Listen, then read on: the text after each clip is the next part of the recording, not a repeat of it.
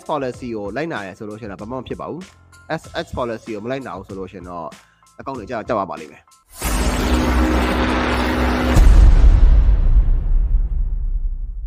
ဒီစကတ်တစ်ခုတည်းကိုအဲ business account တစ်ခုအောက်မှာ S account 3-4ခုနဲ့ run မယ်ဆိုရင်ဒူးဆန်တုံစေတိဖြစ်မှာတယ် cut off account restricted ဖြစ်လို့ဖြစ်မှာကြောက်လို့ပါအဲ့ဒါကျေးဇူးတင်ပါတယ်ဆိုတော့ do's and don'ts က S policy ဖတ်ပါအဲ့ဒါ do's and don'ts ပါပဲ34ချက်ရှိတယ်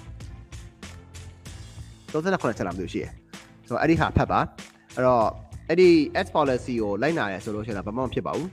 S S policy ကိုမလိုက်နာဘူးဆိုလို့ရှိရင်တော့ account တွေကြာတက်သွားပါလိမ့်မယ်နော်